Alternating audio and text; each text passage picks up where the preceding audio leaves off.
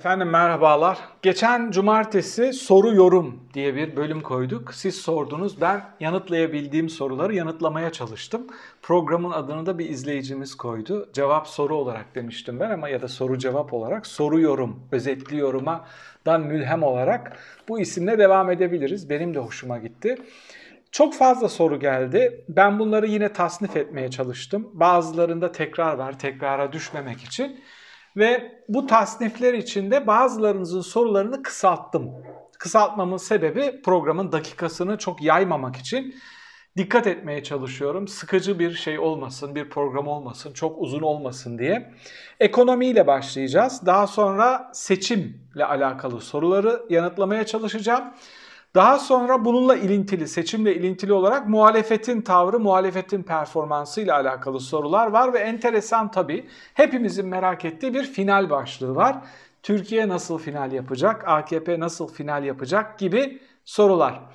Ekonomideki ilk soru şu, asgari ücretle şişirilerek verilen, %50 zamla verilen e, maaş artışları kaşıkla verilip kepçeyle almak olduğunu insanlar ne zaman anlayacak diye bir soru var. Bu önemli soru. Bugün soru cevap yapmasaydım bu konu hakkında e, bir yayın çekecektim ya da dün yayın yapmış olacak olsaydım bu konu hakkında bir şey çekecektim. Vazgeçtim. İnsanların bir maaş heyecanı var. Onu kırmamak için. Zaten insanların çok fazla umudu yok. Zaten herkes üzgün. Böyle karamsar, bir tablo pompalayan, sürekli en kötü ihtimali konuşan bir analizci olmak istemiyorum. Zaten gidişat çok kötü. Bir de muhalefete bu açıdan çok kızıyorum. İnsanlara ülkenin ne kadar kötü bir noktaya gittiğini sürekli anlatıp duruyorlar. Siz onlardan daha iyi bilemezsiniz. Zaten onlar 4-5 bin lirayla falan geçinmeye çalışıyorlar maksimum. Onun için karanlıkları anlatmak değil, bizim işimiz çıkış yollarını anlatmak. Dikkat ederseniz sürekli yapmaya çalıştığımız şey şu. Muhalefet şunu yapmalı, medya bunu yapmalı. Şu açıklama, şu taktik, şu sistem. Biz çıkışı ve çözümleri konuşmalıyız. Sıkıntıları zaten halk çok iyi biliyor. Bizden hele hele çok çok daha iyi biliyor. Kaşıkla verilip kepçeyle alma e, mevzusu önemli bir soru. Bu e, neden çok önemli bir soru? Çünkü size şunu söylemiştim. Erdoğan asgari ücrete çok ciddi bir zam yapacak. Emekli maaşlarını kısmen artıracak. Belki EYT'lilerle uzlaşacak ve bu sırada sürekli anketler yaptıracak. Yaptırdığı anketlerden çıkan neticeye göre de bir karar alacak. Bence bu yorum ölmüştür. Bu daha doğrusu bu doğruydu ama bu opsiyon ölmüştür. Yani gidişat ve çöküş o kadar büyük ve derin ki yaptığı maaş zammının bir günde %10-15'inin gitmesi insanlara zaten şunu gösterdi. Bu maaş artışı insanları alt tabakayı, gelir seviyesinin en altında olan insanları erken seçime kadar dahi taşıyamayacak. Erken seçim gününe kadar dahi taşıyamayacak. Oraya kadar kimi taşıyabilir? Sadık %30'u vardı ya oradaki kopmaları durdurabilir. O kararsızları geri çağıramaz. O kararsızları geri kazanamaz. Benim kanaatim bu. Yanılabilir miyim? Yanılabilirim tabii ki. Bu benim hissiyatımla söylediğim öngörüm. O kararsızların kopuş nedeni ekonomikti. Alacakları maaş zammının da ekonomik olarak onları mutlu edeceğini ve geri çevireceğini zannetmiyorum. Ekonomideki gidişat böyle giderse ülke normal seçim tarihine kadar yönetilebilir mi? Bu da çok önemli ikinci bir soru. Yani e, öngörüde bulunmak gerçekten zor.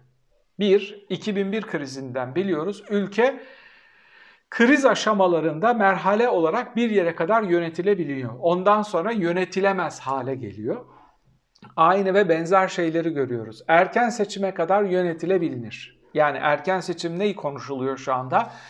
Erdoğan tarafından dillendirilmemiş olsa da Haziran olarak konuşuluyor. Ben buna da ihtimal vermiyorum. Biraz önceki gerekçeden dolayı. Yani kullandığı enstrümanlar etkili olmayacağı için önüne gelecek olan anketler onun istediği yüzdelerde olmayacağı için Haziran'da bir erken seçim beklemiyorum. Haziran'da erken seçim olmazsa ne olur?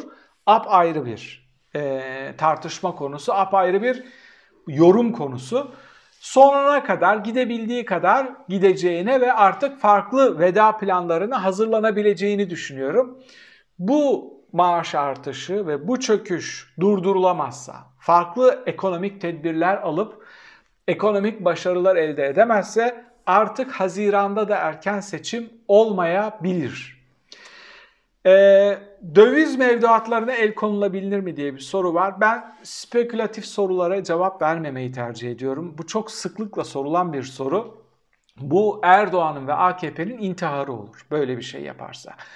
Bir kurtuluş savaşındayız derken insanlar ürperiyor. Acaba böyle bir şey olabilir mi diye. Çünkü savaşta, savaş halinde Cumhurbaşkanı kararnamesiyle bile mevduatlara, döviz mevduatlarına el konulabilir. Ama ben böyle bir şeyi yapacaklarına ihtimal vermiyorum. Bu tamamen intiharları olur. Sermayenin kaçışı demek. E, yatırımların tamamen durması ve donması demek. Bu olmayabilir. Finans alanında farklı yaptırımlar yapabilirler. İşte döviz hesapları üstünde vergilendirme, farklı yaptırımlar uygulayabilirler. Hali hazırda da uygulanıyor. Ama el koymak tamamen intihar olur. Bakın 12 Eylül darbesi oluyor. Darbeciler Özal'dan etkilenmişler. 24 Ocak kararlarını Genelkurmay'da e, Demirel Başbakan ama onun müsteşar olarak sunan ve anlatan Özal. Amerika'dan gelmiş parlak bir beyin. Darbe oluyor, Özal'ı alıyorlar. Özal diyor ki eyvah hücreye atacaklar bizi şimdi. Genel kurmaya götürüyorlar. Diyorlar ki ekonomi bakanısın. Orada oturuyor tabii böyle. Bir telefon geliyor. Telefonda diyor ki bütün mevduatlara el koyun. Özal diyor ki mevduatlara el koyarsanız bakanlık yapmam. Yani bu o kadar büyük bir intihar ki darbecilere bile dayatma yapabiliyor. Yani hiç pazarlık yapmayalım. Beni hücreye atın. Şimdi o kadar demek ki çılgın hamleler yapmayı planlıyorlar ya da yapıyorlar ki Maliye Bakanı, Ekonomi Bakanı dayanmıyor Erdoğan'a. Affını istiyor gelen. Neden? E sen kararları sen alıyorsun, ülkeyi intihar ettiriyorsun, başarısızlığı bana yazdıracaksın. Kafası çalışanlar bırakıp gidiyor, ekonomist olmayanlar da selamı çakıp görevine devam etmeye çalışıyor. Ekonomiyi bahane ederek o hal ilan etmek, ekonominin kötü gittiğini kabul etmek anlamına gelmez mi? Evet, gelir. Bu bir tıpkı mevduatlara el koymak gibi bu da bir intihar anlamına gelir. E, dikkat ettiniz işte bir rapor yayınladım size. Türkiye bu kanaldan öğrendi o raporu. Onun üstündeki 5 aşamalı şeyden bir takvimden konuşuluyor. Bunların deşifre edilmesi güzel. Neden? Hali hazırdaki beyin takımı çok entelektüel değil. Makroekonomik dengeleri, para teorilerini bilen beyinler değil. İşte sabah kalkan biri boş çuvalı doldurur gibi bir şeyler söylüyor. Dolduruyor. Onlar da onu yapmaya çalışıyorlar. Biri kalkıyor Çin modeli diyor. Öbürü diyor yok dış güçler. Öbürü diyor ki yok canım dış güçler diye bir şey yok.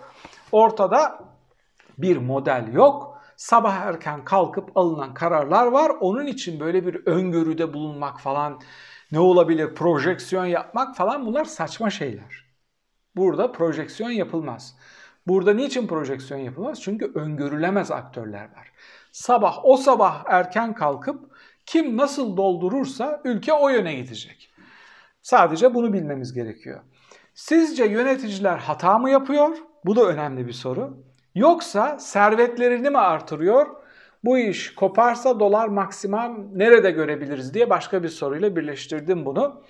Bu sorunun yanıtını bilemiyorum. Benim bildiğim sadece şu. Hata yaptıklarını düşünmüyorum. Erdoğan bir kere hata yapar. Oradan döner. Pragmatist bir adam. Yani ideolojisinden dönmüş bir adam. Dini değerlerinin belirleyici kurallarından dönmüş bir adam. Milli görüş gömleğinden dönmüş bir adam.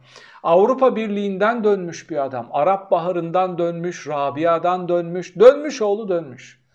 Bu kadar çok hata yapıp dönmüyorsa bu hata değildir. Ben onu biliyorum sadece. Erdoğan hata yapmıyor. Bunu bilerek yapıyor. Ha niçin yapıyor? Servetlerine servet katmak için yapıyor olabilirler mi?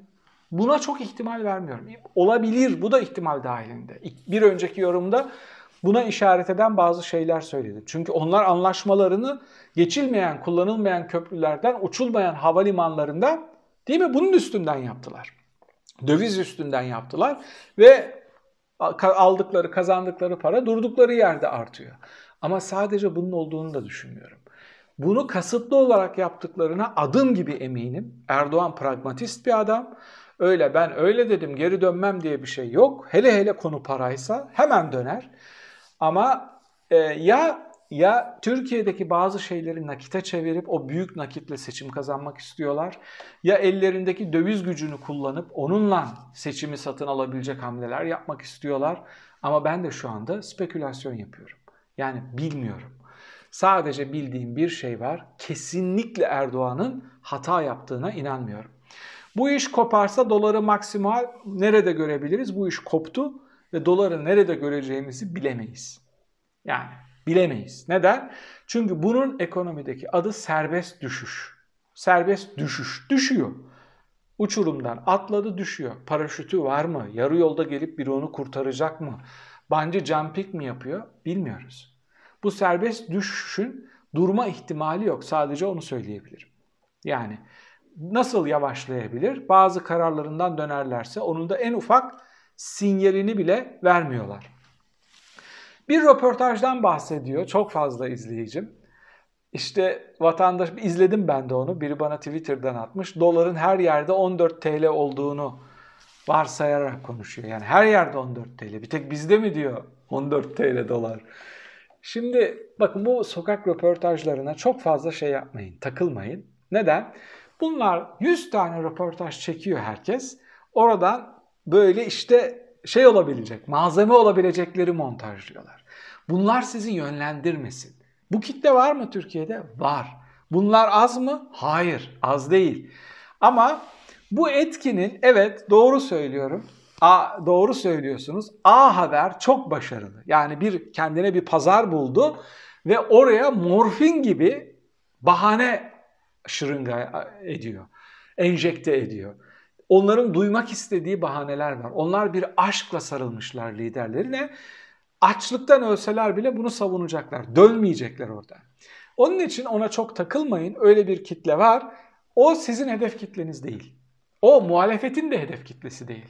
Size burada bahsetmiştim Alman yayını yaparken Cem Özdemir bir çıkış yaptı. Harikulade bir çıkış. Dedi ki buradaki milliyetçi, muhafazakar e, Alman vatandaşlığı almış Türklere siz benim hedef kitlem değilsiniz dedi. İstediğinizi söyleyin. Biz evrensel değerler çerçevesinde barışı ve demokrasiyi önceleyen bir Almanya kuruyoruz.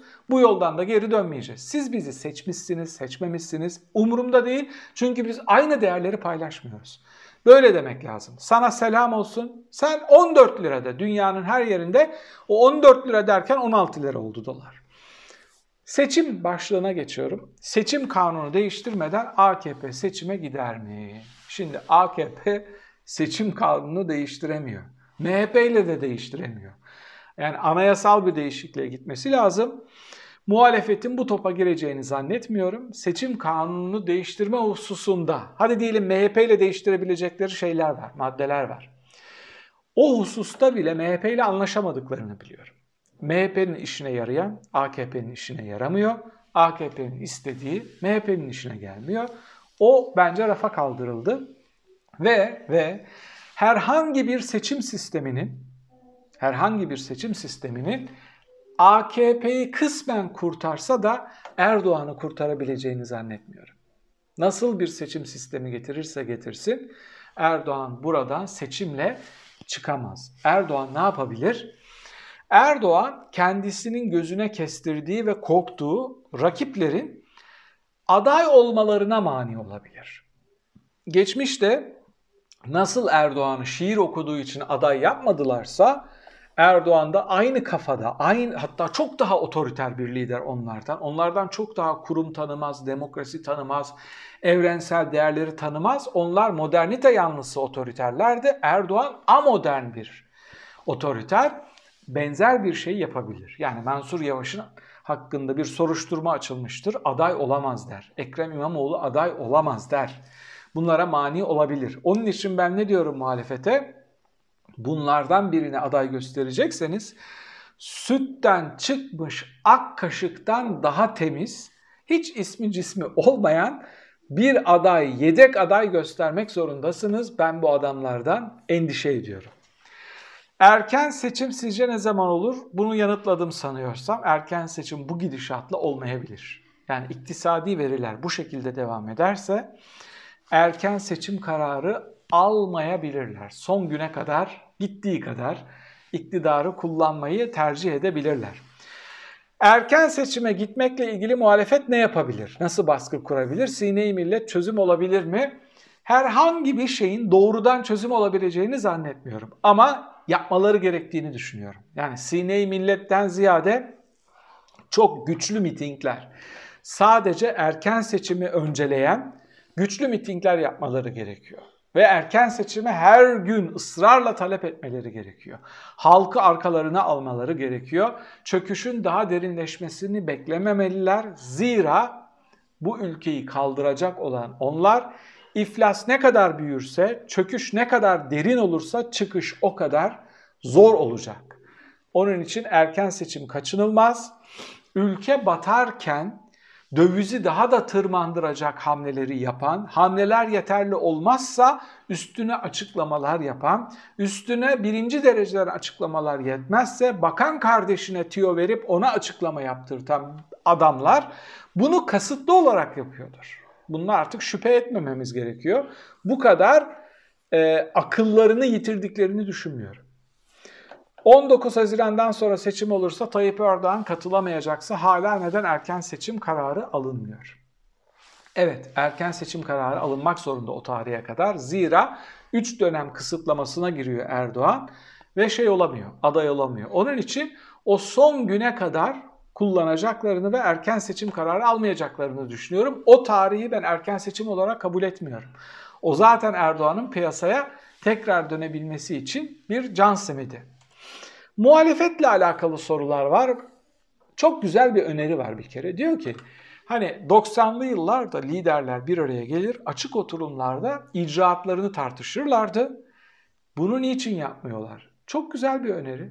Yani Erdoğan katılmıyorsa oraya bir koltuk koyarsınız. Eskiden öyle yapılırdı ve boş bırakılırdı. Bir buraya bir bir cumhurbaşkanlığı, partili cumhurbaşkanı hem partisini hem de cumhurbaşkanlığı sembolü koyarsınız partili cumhurbaşkanı gelmedi dersiniz. Biz burada bakın projelerimizi tartışıyoruz ama o yok. Siz tartışırsınız. Yani bunu muhalif kanallar yapabilirler. Çok fazla muhalif kanal yok tabii. İlk akla gelen Halk TV. Halk TV böyle bir şey yapabilir. Sansasyonel olur. Çok ilgi çekici olur. Senelerce tarihe geçecek bir e, belgesele dönüşür o programlar. E, Millet İttifakı'nın liderlerini davet edersiniz. Bahçeli ile Erdoğan da gelmeyecektir muhtemelen. Onların koltuklarını da boş bırakırsınız. Bugün bu hafta neyi konuşuyoruz? Dış politika. Gelecek hafta ekonomi. Gelecek hafta yargı sistemi. Böyle böyle böyle 4-5 haftalık açık oturumlar yapılabilir. Peki yani bu Türkiye'de siyasetçilerin bir masa etrafında toplanması gençlerden gelen sorular var. İşte çok genç yaştayız umutlarımızı yitirmiş durumdayız. Bir çöküş izliyoruz. Mutlaka milletimiz buradan çıkacaktır ama ne yapmamız lazım? Bu benim gençlik yıllarımı bana hatırlattı. Benim gençlik yıllarımda da Tansu Çiller'in aldığı devalüasyon kararları vardı, iflas kararları vardı. Ben de liseyi Türkiye'de okumuştum. Tek kelime Almanca bilmiyordum ve pılımı pırtımı topladım. İşte 18 yaşımı yeni bitirmişim. Geldim dil öğrendim, batıda okumaya çalıştım. Bir kere ücretsiz üniversiteler nerelerde var onları araştırmanız gerekiyor. Üniversiteye hazırlanırken çok iyi seviyede kendi çabanızla, paranız yoksa bir kursa gitmeye yetecek kadar bir sürü online şey var, alternatif var. Oturup dil öğrenmeniz gerekiyor. Almanca konuşulan coğrafi bölgede devlet üniversitelerinin tamamı ücretsiz ama Almanca bilmeniz gerekiyor TOEFL seviyesinde. Bu alternatifleri, bu opsiyonları değerlendirmeniz gerekiyor. Zira üniversite öğrencileri üniversiteyi bitirdikten sonra oturum alma hakları oluyor. 18 ay içinde iş bulursanız sınırsız, önce sınırlı sonra sınırsız oturum alma hakkınız oluyor. İstiyorsanız, şayet tercih ediyorsanız 5 yıl içinde vatandaşlık bile alabiliyorsunuz. Bu şart değil ama bir dil öğrenmek bu belirsizlik içinde çok iyi bir dil öğrenmek, bir gün Türkiye'ye dönecekseniz bile çok iyi bir formasyon eğitimi ve iyi bir dil bilgisi ve iyi bir Avrupa tecrübesiyle dönmek çok daha verimli olacaktır. Kafası çalışan, bunu yapabilecek durumda olan, Avrupa'da tanıdığı bağlantıları, akrabaları olanlar bir kere bunu öneriyorum. Diğerleri de içeride kalacaklarsa bile mutlaka iyi dil öğrensinler. Bir de umutlarını yitirmesinler. Hep söylediğim bir şey var. Livaneli'nin bir şarkısından. Diyor ki en güzel günlerimiz henüz yaşamadıklarımız. Umudumuzu yitirmeyeceğiz. Bu ülkenin kaderi böyle. Tıpkı Hazreti Yusuf kıssası gibi 7 yıl kıtlık, 7 yıl bolluk hiç değişmemiş. Osmanlı dönemi de böyle. Belki sizler daha güzel bir sistem kurarsınız. Belki sizler daha iyi bir eğitim sistemi inşa edersiniz. Çok fazla düştük, çok derinlere düştü ülke. Belki buradan çıkışın yollarını da keşfetmişizdir. Muhalefetle alakalı bir soru vardı onu atlamışım. Farklı yere tasnif etmişim. TÜİK'e birlikte gidilseydi, toplu halde gidilseydi daha etkili olmaz mıydı diye. Olmazdı. Bence e, TÜİK'e yapılan ziyaret e, amacına ulaşmıştır, hedefine ulaşmıştır. Bu Millet İttifakı paydaşlarının bir araya gelerek güçlü bir fotoğraf vermeleri hususunda sizlerin yorumlarına katılıyorum. Çok daha güçlü bir fotoğraf vermeleri gerekiyor ve bu güçlü fotoğrafı oylarını artırmak için değil, erken seçim kararı alabilmek için harcamaları gerekiyor. Kılıçdaroğlu'nun yaptığı hamleleri başarılı buluyorum bu süreçte. Ama ekstra bir yorum yaptım. Kılıçdaroğlu bu hamleleri Millet İttifakı'nı güçlendirmek için yapmaya devam etsin. Ama mevcut şartlar altında mümkünse aday olmasın. Muhalefet sizce ümit vaat ediyor mu? Evet vaat ediyor. Ümitlerimizi yitirmeyeceğiz. Bundan 3 sene 4 sene önce değil mi? Bu kadar güçlü bir ittifak yoktu. Bu kadar yüksek oranlara çıkamıyorlardı. Ve bundan 6-7 sene önce hiçbir umut yoktu. Erdoğan seçimin seçmen kitlesinin her tarafını kucaklamış. Geriye sadece CHP'nin bir %25'i kalmıştı. Bugün öyle değil. Muhalefet bana haddinden fazla ümit veriyor. Haddinden fazla. Bu şu anlama gelmiyor. Süt liman Türkiye'de her şey rahat seçimler olacak. Tereyağından kıl. Hayır. Ama ümit vaat ediyor ne demek? Bir alternatif var artık. Yoktu bu. Bu yoktu. Artık teorik olsa bile bu iş bitti diyebiliyoruz. Masada teorik olarak bu iş bitti. Erdoğan'ın bir daha seçim kazanma ihtimali yok. Millet İttifakı çok büyük hatalar yapmazsa. Bu ümit var olabilmemiz için çok önemli bir şey. Son kısım sorular final. Finalle alakalı sorular var. Yani her şey doğru gitse bile buradan çıkılabilir mi sorusu var. Bakın bunu sırf bir yayın bunun üstüne yapacağım bir gün. Gerçekten Millet İttifakı seçimi kazanabilirse demokratik enstrümanlarla otoriter sistemden tekrar daha demokratik bir sisteme doğru yelken açarsak tahminlerinizin ötesinde çok hızlı bir şekilde Türkiye'nin düzeleceğini düşünüyorum. Çok hızlı bir şekilde. Neden? Bir kere batıdaki ülkeler, batı ittifakı, demokratik ülkeler Türkiye'yi bir daha antidemokratik, otokratik bir eksene kaptırmamak için, Rusya-Çin eksenine kaptırmamak için turizm olsun, üretim olsun, uygun kredi olsun Türkiye'yi e, bir ekonomik altyapı olarak kullanacaklarını ve Türk ekonomisinin uçmasına çok fazla yardım edeceklerini düşünüyorum. Bugün onu yapmayışlarının sebebi belki de otoriter bir sisteme destek vermemek. Buna rağmen Türkiye'nin en büyük ihracatçıları onlar. Türkiye'de en çok ithalat yapan onlar. Türkiye'ye en çok kredi veren onlar. Türkiye'ye en çok turist gönderen onlar. Ama demokratik bir iktidar başa geldiğinde, demokratik bir cephe başa geldiğinde bunun ivmesinin çok sert bir şekilde yukarıya doğru çıkacağını düşünüyorum. Hiç mi umut yok sorusu var finalle ilgili ona sordum. Bir de ülke eski haline dönebilir mi diye bir soru var. Şimdi eski hali de kusurlu bir demokrasiydi. İnşallah daha iyisine döner. Yani AKP öncesinde de Türkiye'nin çok büyük sorunları vardı. Daha iyi şeyler vardı. Kurumlar daha iyi işliyordu. Güçlü ve daha özgür bir medya vardı. Ee, en marjinal uçlar bile medyalarını açıp seslerini duyurabiliyorlardı vesaire vesaire. Ülke böyle demeyelim eski haline dönebilir mi demeyelim de şöyle diyelim.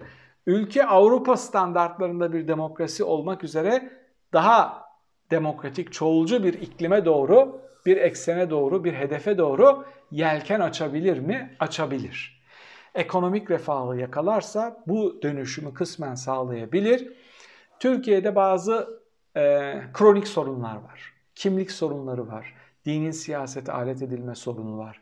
Eğitim sorunu var. Milliyetçilik sorunu var. Yani bu seküler cephede de var. Muhafazakar cephede de var.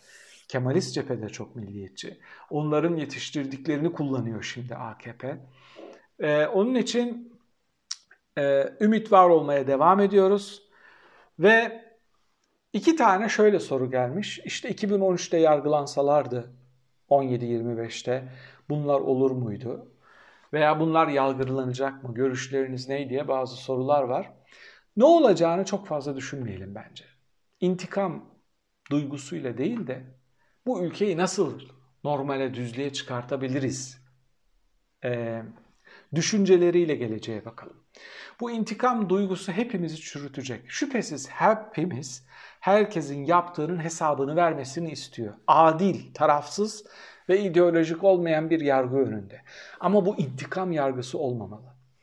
Bir intikam yargısı değil, bir hesaplaşma mutlaka olmalı. Bunun olup olmayacağına inanıyor muyum? Bunu size bir iki kere söyledim. Ne belirleyecek?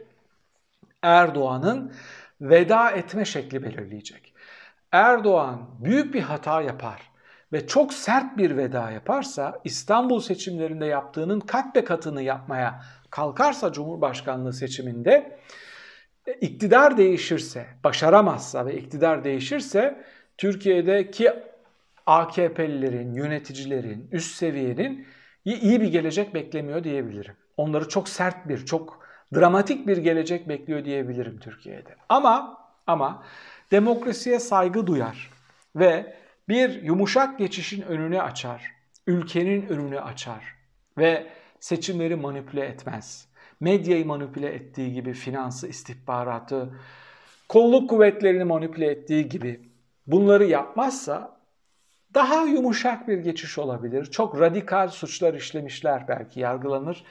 Ama Türkiye'nin AKP sonrasında böyle bir devri sabık, bir istibdat dönemi oluşturacağını zannetmiyorum. Muhalefet partilerinde de bu motivasyonun olmadığını görüyorum. Böyle bir motivasyon yok. Evet ortaya saçılan çok fazla somut delil var. İşlenen suçlar var. Peker'in ifşaatları var. 17-25 dosyası var. Bunların kapatılma ihtimali yok. Bunların kapatılma ihtimali olmadığı için de zaten e, Türkiye buralara savruldu. O korkuyla, suç işlemişlik korkusuyla otoriterleşme eksenine girdiler. Yargıyı ve demokrasiyi askıya aldılar. Göremedikleri şey şuydu. Öyle bir sistem iflas edecekti ve bu sürdürülebilir değildi. O noktaya geldik şimdi. Yani bugün Erdoğan'ın elinde olsa bence 2010'dan sonra yaptığı her şeyden bin pişmandır. Bunları yapmamış olsaydı ülke tarihine demokrat bir Müslüman kimliğiyle e, çok önemli bir şahsiyet olarak geçebilirdi. Türkiye'de ve dünyaya şu fotoğrafı verecekti. İslam ve demokrasi bağdaşır ve biz bunu gösterdik. Seçimle geldik, seçimle gidiyoruz ve ülkedeki demokratikleşmeye hizmet ettik diyebilirdi. Çok büyük pişmanlık içinde olduklarını düşünüyorum. Bir hesap hatası yaptılar. Yaptıkları hesap hatasının çok büyük olduğunu o gün 2010'dan sonra çok radikal bir şekilde başta Suriye olmak üzere Erdoğan'ı eleştirmeye başladım. AKP'yi eleştirmeye başladım. Buradan çıkış olmadığını göremediler. Çok büyük pişmanlık içinde olduğunu düşünüyorum. Burada tamamlayalım. Fazla uzattık bence. Formatın sınırlarını çok zorlamayalım. Ee, benim hoşuma gitti bu format. Sizden gelen sorulara mutat olarak cevap vermeye çalışacağım. Yaptığım duyurular akabinde siz sorularınızı geçerseniz, siz de izler, teveccüh gösterirseniz bu formatı birlikte devam ettirebiliriz. Bir sonraki videoda tekrar birlikte olmak üzere efendim. Hoşçakalın.